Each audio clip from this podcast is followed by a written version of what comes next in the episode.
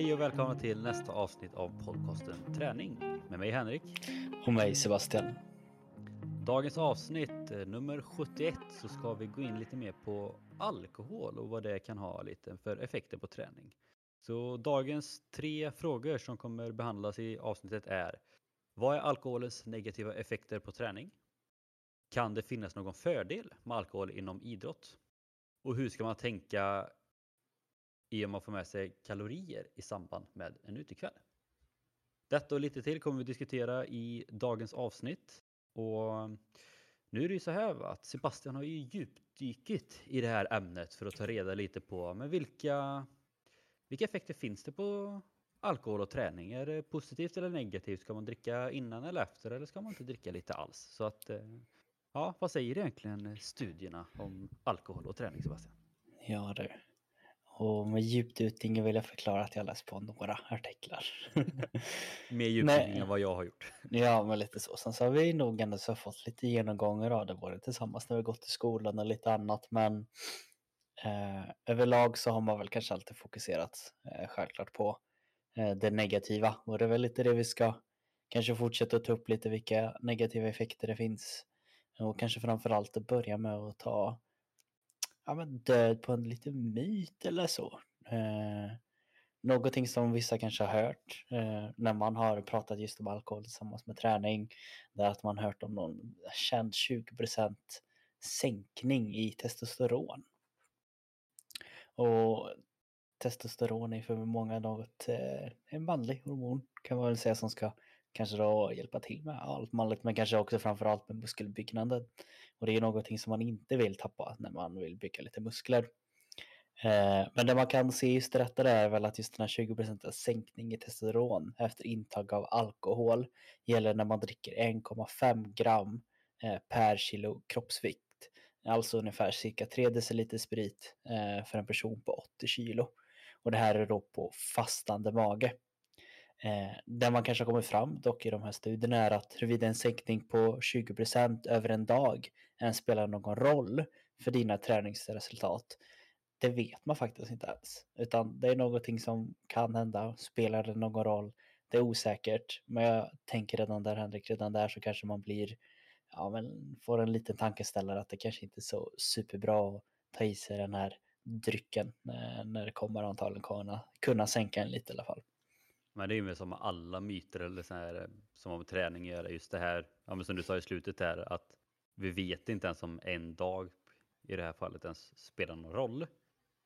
Och så är det ju med allting. Ja, som sagt, vi pratar ju om det här väldigt mycket, men man läser ju av folk som kanske får i sig 0,1 gram för lite protein vad de ska få i, få i sig enligt vad de har hört och då får de nästan panik för att då tror inte de att de kommer kunna bygga muskler på samma sätt och allt sånt där. Så att det är ju det som är lite tråkigt med just träningsvärlden och alla myter inom träning att det är ju väldigt många som tänker på det här med liksom att ja, men man hör någonting fast man egentligen inte vet om det stämmer eller inte. Och sen som sagt just det här, ja, men om det sker en dag på 700 dagar kanske på två år då, 700 dagar. Ja men hur stora spelare? Bara, ja, kanske inte ett skit.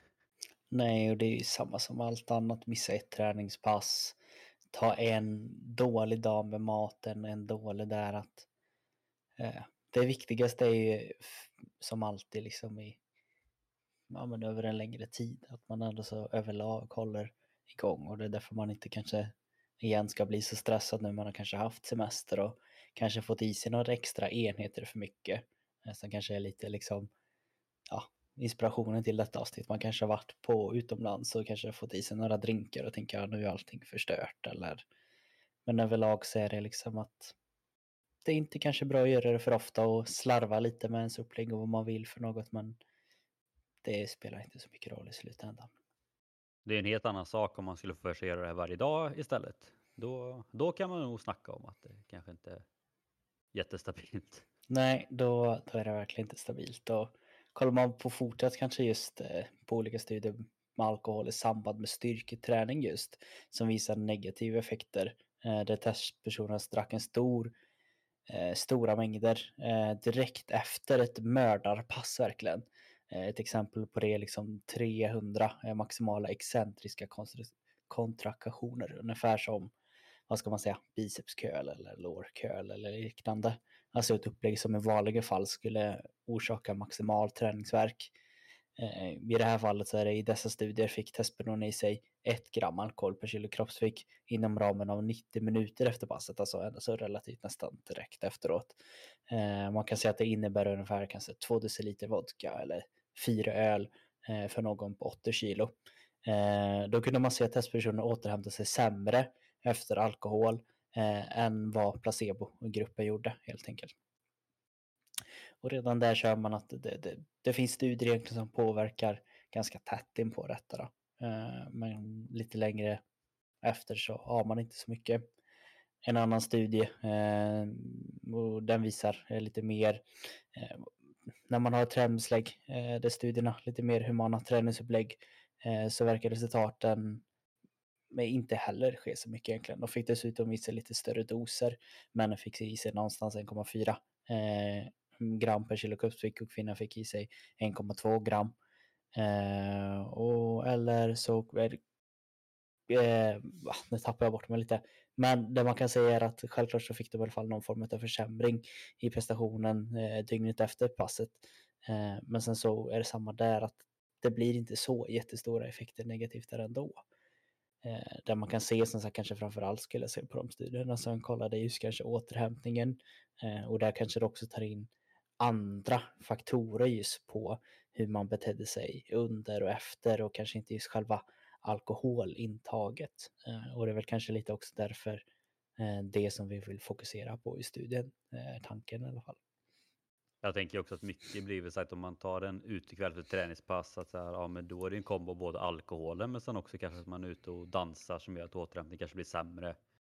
Och sen är också det här med att det blir sämre dagen efter. Ja, men det vet väl de flesta som har druckit mycket att man, man kanske inte är den piggaste dagen efter. Och det blir också lite så här att ja, men har man tänkt ett hårt träningspass dagen efter, då tror inte jag att man är lika sugen på att köra det träningspasset som man hade varit om man inte hade varit på den utekvällen heller. Så att, ja, det, det är ju mycket i kroppen som påverkas av alkoholen. Liksom. Så det är inte bara muskeluppbyggnaden utan det är ju allting med hjärnan och lungorna och hjärtat. Och, eller så här, liksom, allt blir påverkat på ett eller annat sätt och då är det inte konstigt att återhämtningen kanske blir lite försämrad.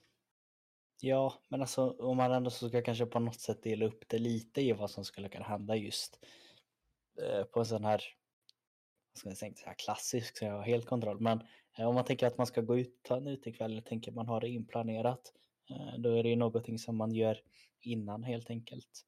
Eh, någonting som vi pratade och diskuterade om innan, det är just om man börjar redan där försöka kompensera upp emot vad som ska hända på kanske kvällen eller dagen efter eller liknande. Att man försöker då kanske balansera ut kaloriintaget. Man försöker räkna ut någonstans den här 7 kalorierna per gram etanol. Alltså, eh, och försöker kanske då eh, minimera antalet kalorier som man tar i sig innan. Ja, men vi säger att du ska gå ut på fredagen och på torsdag redan där börjar du egentligen bara ta en sallad och Sen så kanske du inte får i dig någonting riktigt på morgonen, skippa frukosten och ta någon lätt sallad precis innan du ska börja kanske på fredagskvällen. Att redan där så har du ingen bra eh, förutsättningar för att kunna gå ut just för att du är tom på magen. Det kommer bli kommer slå hårdare för dig antagligen så kommer du få en sämre kväll men också just eh, vad ska man säga kontrollbehovet är någonting som man borde tänka på. Det är ingenting jag tycker inte man ska dricka överhuvudtaget om man just har de här tankarna att man måste balansera ut en utekväll egentligen. Men det är ju också det som vi pratade om där med början så här, ja men, ja men en dag lite då och då spelar det verkligen någon, någon roll. Och det är lite samma sak, alltså det är klart att om man är någon som verkligen måste gå ner i vikt och ha ett väldigt strikt schema för att följa det, om man kanske ska tävla eller om man verkligen bara vill gå ner, ja men och då kanske man får överväga om den utekvällen är nödvändig då, eller så får man verkligen planera utifrån det. Men risken är ju då som, som du sa Sebastian att ja, magen blir tom och den kvällen kanske inte blir så rolig ändå. Men om man inte har det alltså rejäla kravet att man verkligen måste ha koll på varenda liten kalori mer än att man vill det. Då känner man också så här bara att ja, men, en dag så du kanske i så fall kanske lyckas få i dig 100 kalorier mer än vad du hade fått i vanliga fall. Kommer det verkligen spela någon roll i längden? Och samma sak, jämför man, om inte den här går på den utekvällen då, ja, då kanske den sitter hemma framför tvn istället. Och det kanske visst bättre att ha koll på hur många kalorier man får i sig. Men samtidigt är de ute på dansgolvet och dansar och härjar, då gör de ju samtidigt av med mer kalorier också. Även om de kanske får i sig mer kalorier både via alkoholen och snacks och allt sånt där. Så att det, det är just det, så att det jämnar ju, ofta, jämnar ju ofta ut sig på ett eller annat sätt. Antingen redan under kvällen eller så kommer det göra det dagarna framöver.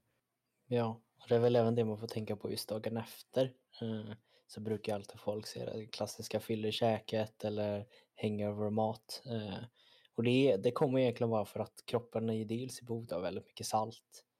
Eh, den även, man har även brist på ork om man har varit ute egentligen bara. Inte kanske bara för att man fått i sig alkohol utan man har oftast fått ute väldigt sent och kanske varit igång väldigt länge. Vilket gör att man inte orkar kanske ställa sig och laga någon ordentlig mat. Sen är det oftast ganska många som har nästan lite form av ångest eh, dagen efter och då blir det lite en uppmuntran för sig själv och tycka synd om sig själv och, och liksom ta, tycka synd om sig själv. Och det är väl lite här så jag tycker ändå så att det är lite intressant att just börja diskutera tappa kollen en gång. För det är plötsligt om man kanske bara pratar en dag eller pratar några timmar så kanske man ändå så har kommit upp och pratat nästan om tre dagar. Att vad gör du innan, vad gör du under och vad gör du efter? Då tycker i alla fall jag personligen att då börjar det kunna påverka lite. Eh, kanske framför allt om man tänker mer på en, som Henke säger, man har jättetydligt mål. Men även om man sätter det här i rullande eh, och det är ens vardag helt enkelt. Eh, ett klassiskt som man hört ifrån, eller i alla fall jag har hört det ifrån till kunder och så. Eh, det är det här att jag är jätteduktig eh, på vardagarna, jag håller mig till det och det. Men sen så är det klart att jag brukar alltid gå ut varje lördagkväll men av någon anledning så stannar jag alltid på vikten och jag går inte ner. Och då får man ju faktiskt även där att små saker kan också bli en stor sak. För om du kanske äter nyttigt ifrån måndag eh, till fredag och sen på fredag kväll kanske du redan börjar kanske trycka i dig lite extra mat för att du vill ha koll på lördagen. Äter lite extra bara för att få fylla magen med mat och inte att det ska slå så hårt på dig.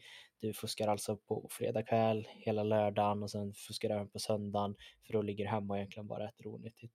Och det är plötsligt där det tre dagar eh, på en hel sju veckors, ja det är sju dagar på en vecka om man inte har listat ut det men då är det de tre dagarna som egentligen gör att man kanske till och med går väldigt, väldigt mycket plus i kaloriintag bara för att man gör alla andra dumma val. Det kanske inte är alkoholen i sig, eh, men det den leder till att man tar flera beslut som gör att man kanske inte får något resultat. Och i slutändan kan nästan det vara mer mentalt jobbigt för de som står och trampar.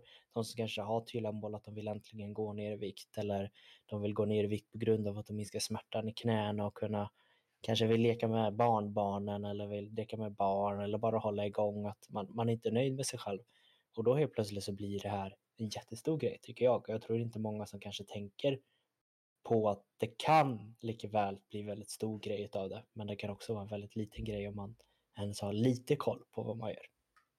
Men jag tänker också lite så här, alltså just när det kommer till cheat mealen dagen efter, eller man säger bakismaten. Mm. För att det som jag känner, visst det, kanske inte, det är väl kanske inte alltid den bästa maten när det kommer till näringsämnen och allt sånt där. Men om man tänker så här rent kalorimässigt, för tänker man så här, men en vanlig dag då man äter och jobbar, så här, men kanske man käkar frukost, man käkar mellanmål, lunch, mellanmål, middag. Liksom. Det, det blir ändå rätt, rätt mycket kalorier. Medan på om man är bakisdag så här, ja men man kanske bara käkar en pizza. Eller så här. Man kanske inte Oftast... alltid käkar en frukost utan det blir en pizza och sen, ja, sen får man se om man käkar något på kvällen. Så att det är inte alltid det blir så jättemycket kalorier den någon heller. Sen kanske inte det är den bästa maten.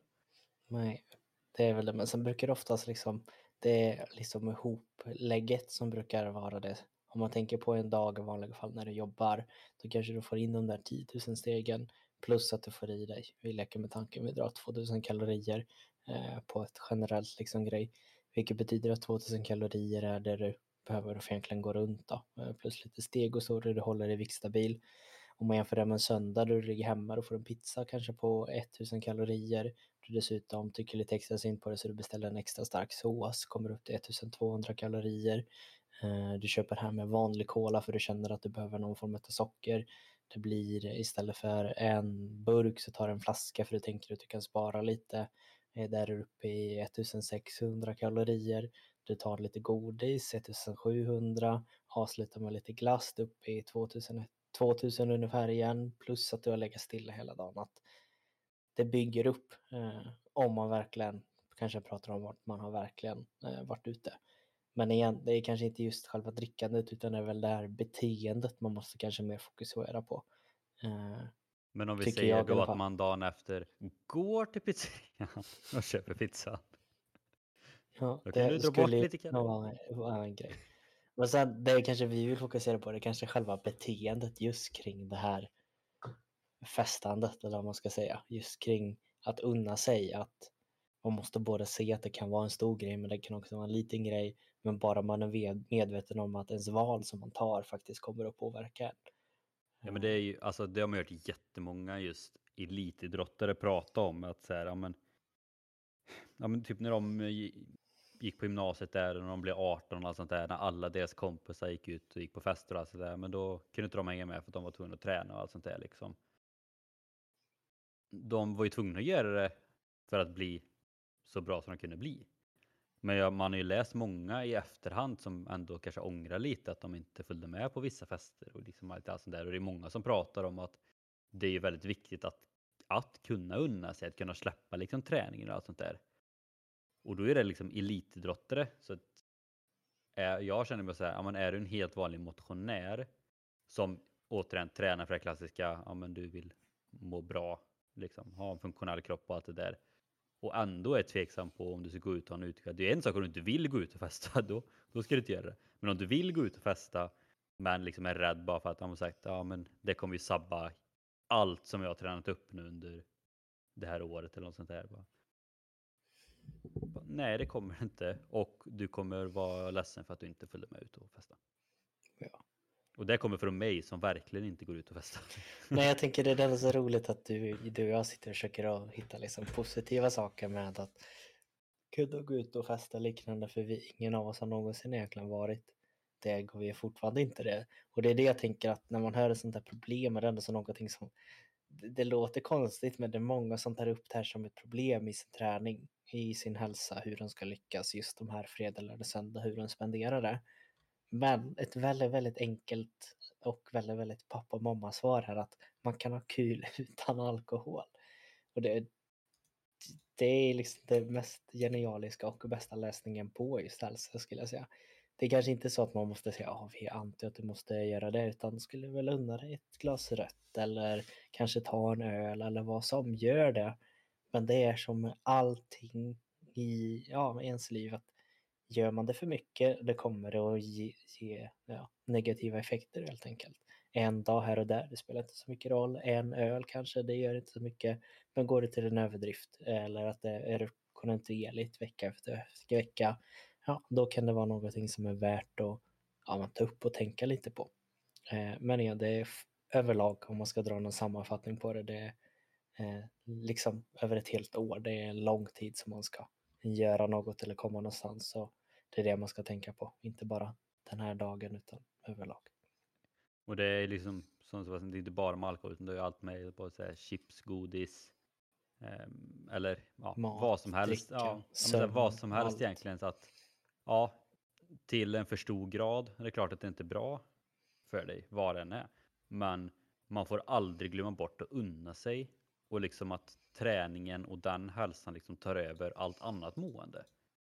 För visst, det kanske inte alltid är det optimala, men bara för att du får det optimala med träningen, fast samtidigt så kanske du är liksom ledsen eller ångrar att du inte gjort något annat i livet. Liksom, men det, återigen, vad, vad är det viktiga? Vad, vad vill du uppnå? Ja, men siktar du mot att du vill bli liksom elit och det enda du vill är att bli elit, du skiter i allt annat. Ja, men då kanske det är en helt annan sak. Men då kanske man kan skippa att gå ut och allt sånt där. Liksom. Men återigen, har du bara som mål att du vill ja, sagt, som många vi har pratat om tidigare som kanske bara vill kunna leka med sina barnbarn när de blir äldre. Då kommer inte en utekväll lite då och då stoppa dig från att göra det. Utan då tror jag snarare att du kommer vara mer bitter om du inte går på de utekvällarna, om det är det du vill. Mm. Exakt. Så där har ni fått höra lite både eh, några positiva grejer och eh, kanske framförallt lite negativa just effekter utav alkoholen men även lite kring livet. Och där man kanske ställer sig då frågan är som sagt att kan det finnas någon fördel med alkohol inom idrott? Och bara att vi ställer den frågan innan jag börjar läsa på lite var någonting som jag tyckte lät nästan lite töntigt. Att nej, det är väl klart. Det är väl klart att det inte finns det. Eh, men det gör det. Tror det eller ej. Det gör det och det har till och med blivit förbjudet inom vissa sporter för att det, det har liksom, man kan nästan prata om det som Det en form doping, av typ. doping. Ja, det är liksom på den nivån. Eh, så ska man då prata om några sporter, bara lite så här fun att veta. Eh, positivt men förbjudet har jag döpt här. Det betyder alltså att det ger en positiv effekt inom den här idrotten eller sporten men det har också blivit eh, förbjudet. Eh, någonting som det börjar med eh, det är inom skytte.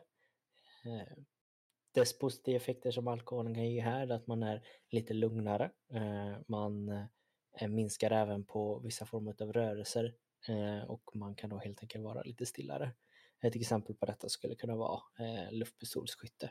Eh, där fördelen skulle vara att man skulle enklare kunna hålla eh, pistolen stilla och även ta bort de här små, små rörelserna som är väldigt, väldigt viktigt i all form av precisionssporter. Och det är även det som det fortsätter att vara lite positiva effekter inom som jag har kallat för barsporter. Eh, anledningen till att kalla det det kanske oftast är som vi vanliga svenskar kanske stöter på det. Kanske lite form av bowling eller dart, alltså pilkastning. Där även där är precisionssporter eh, där minska stress och är lite lugnare och som sagt minska vissa rörelser kommer kunna göra att man kan enklare just hålla ett lite bättre fokus och även kunna sikta lite bättre. Men även här så är den väldigt hårfin självklart. Eh, om man ska prata om optimalt så gäller det att inte få i sig för mycket så att eh, man tappar all form av ja, koordination i kroppen och börjar kanske vackla fram utan det ska vara lagom i så fall. Jag tycker det är extra kul med just till exempel dart. För jag vet inte om du har sett på typ dart-VM någon gång. Jag. För det är liksom att de måste ju, där är det liksom noga med de som kör liksom. Men det är förbjudet för de, så att man blir lite där med darr i handen och fokuset så här.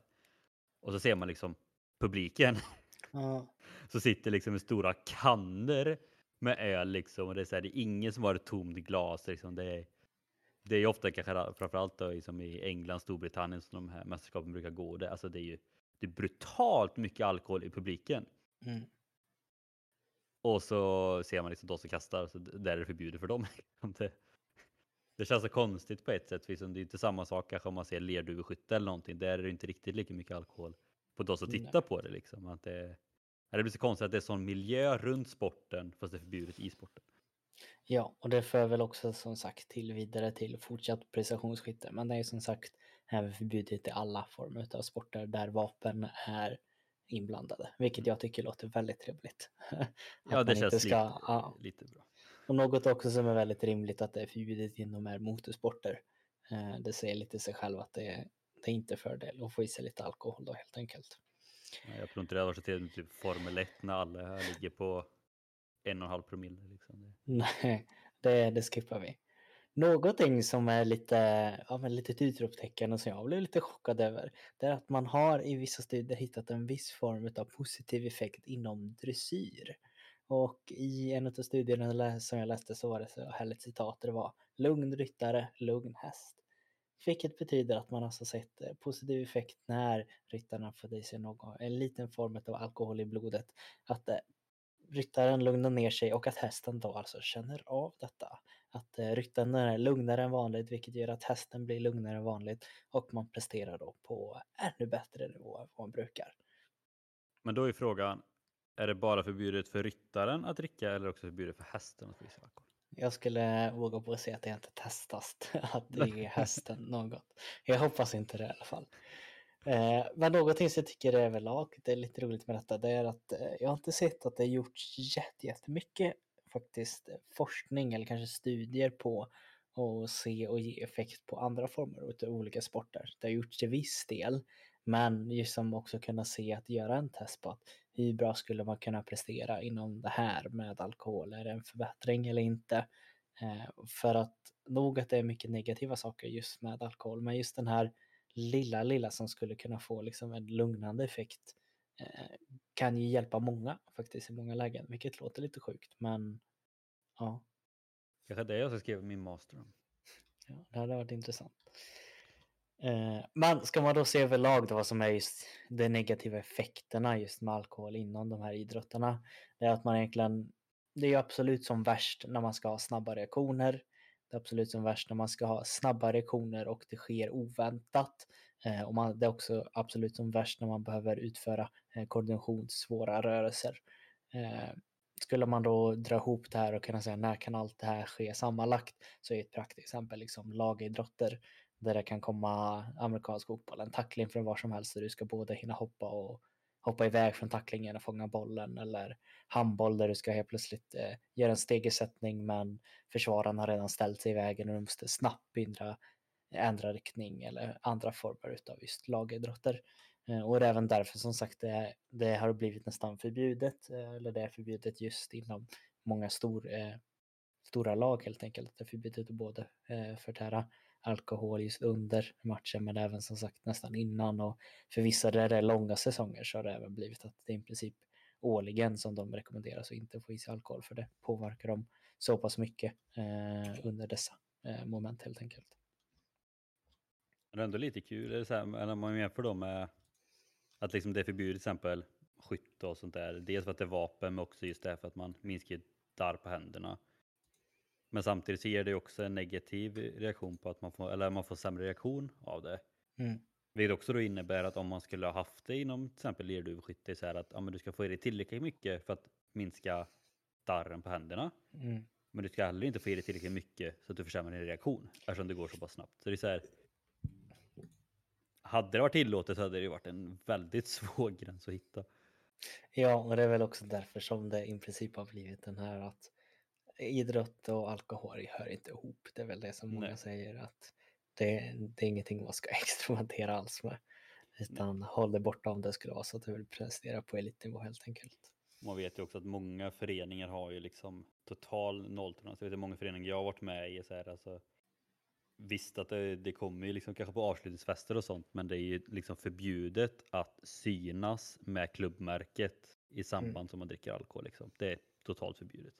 Ja, Och det tycker jag, tycker väldigt det är bra, bra. att må- ja, men det tycker jag är jättebra att många föreningar liksom har sådana tydliga gränser. Liksom, att ska du dricka så får du inte ha några här, klubbkläder på dig. Du ska inte kunna se att du är från den föreningen. Liksom. Jag tycker det är bra. Eh, ja du, eh, ska man dra en liten sammanfattning som sagt så kanske det är eh, det som vi har kommit upp väldigt mycket som sagt att det är överlag det är stora bilder man ska fokusera på. Eh, att lite fusk här och där, det kommer inte ja, i slutet kanske spela så mycket roll men det kan göra dem där återkommande helt enkelt. Men jag tänkte också avsluta det här avsnittet med eh, ah, inte fan, men någonting som kanske inte har pratats om så mycket och som inte jag visste och som kanske framförallt i Sverige inte pratar så högt om.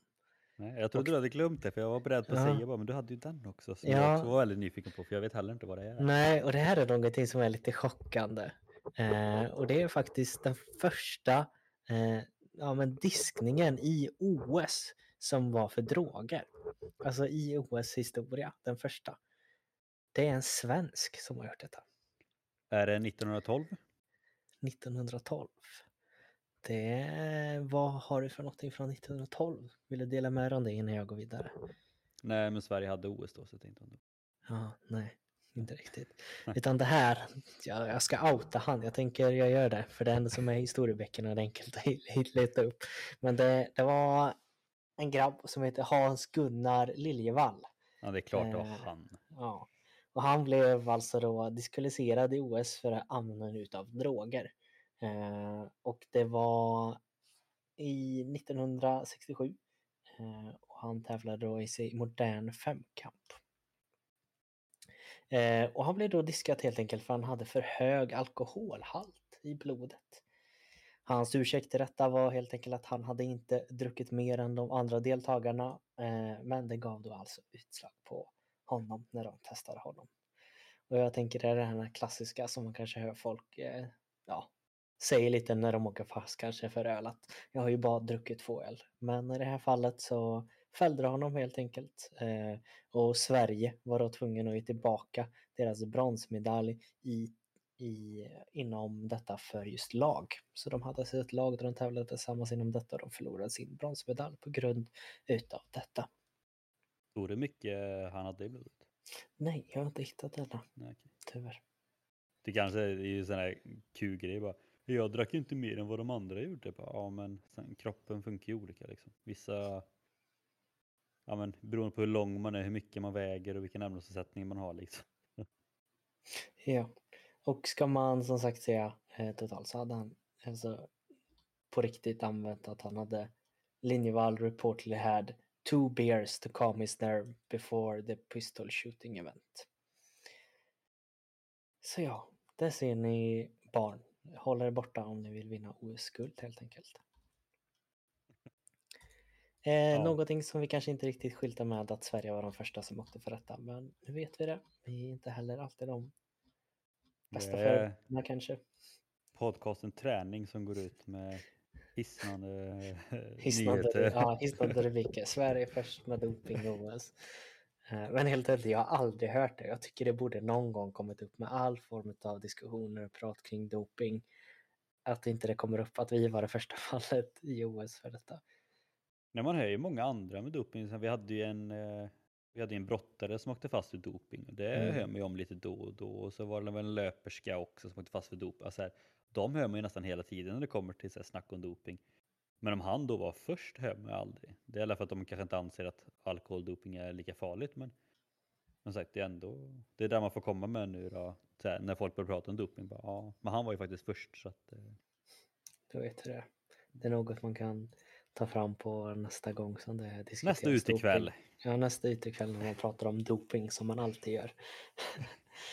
eh, nej, men skämt åsido. Eh, är det här någonting som ni tycker låter intressant och som ni vill att vi faktiskt gör en riktigt, riktigt djupdykning in, dykning in, inom så är det någonting som jag i alla fall skulle kunna tänka mig att göra både just inom alkohols effekter eh, på träning. Det går ju att nörda in sig väldigt mycket på det. Men sen så är det också kanske att göra någon form av djupdykning i det här ämnet doping inom idrott och träning. Det är någonting som är högt aktuellt, framförallt dopingen där då. och Det är något som ständigt diskuteras och eh, debatteras inom.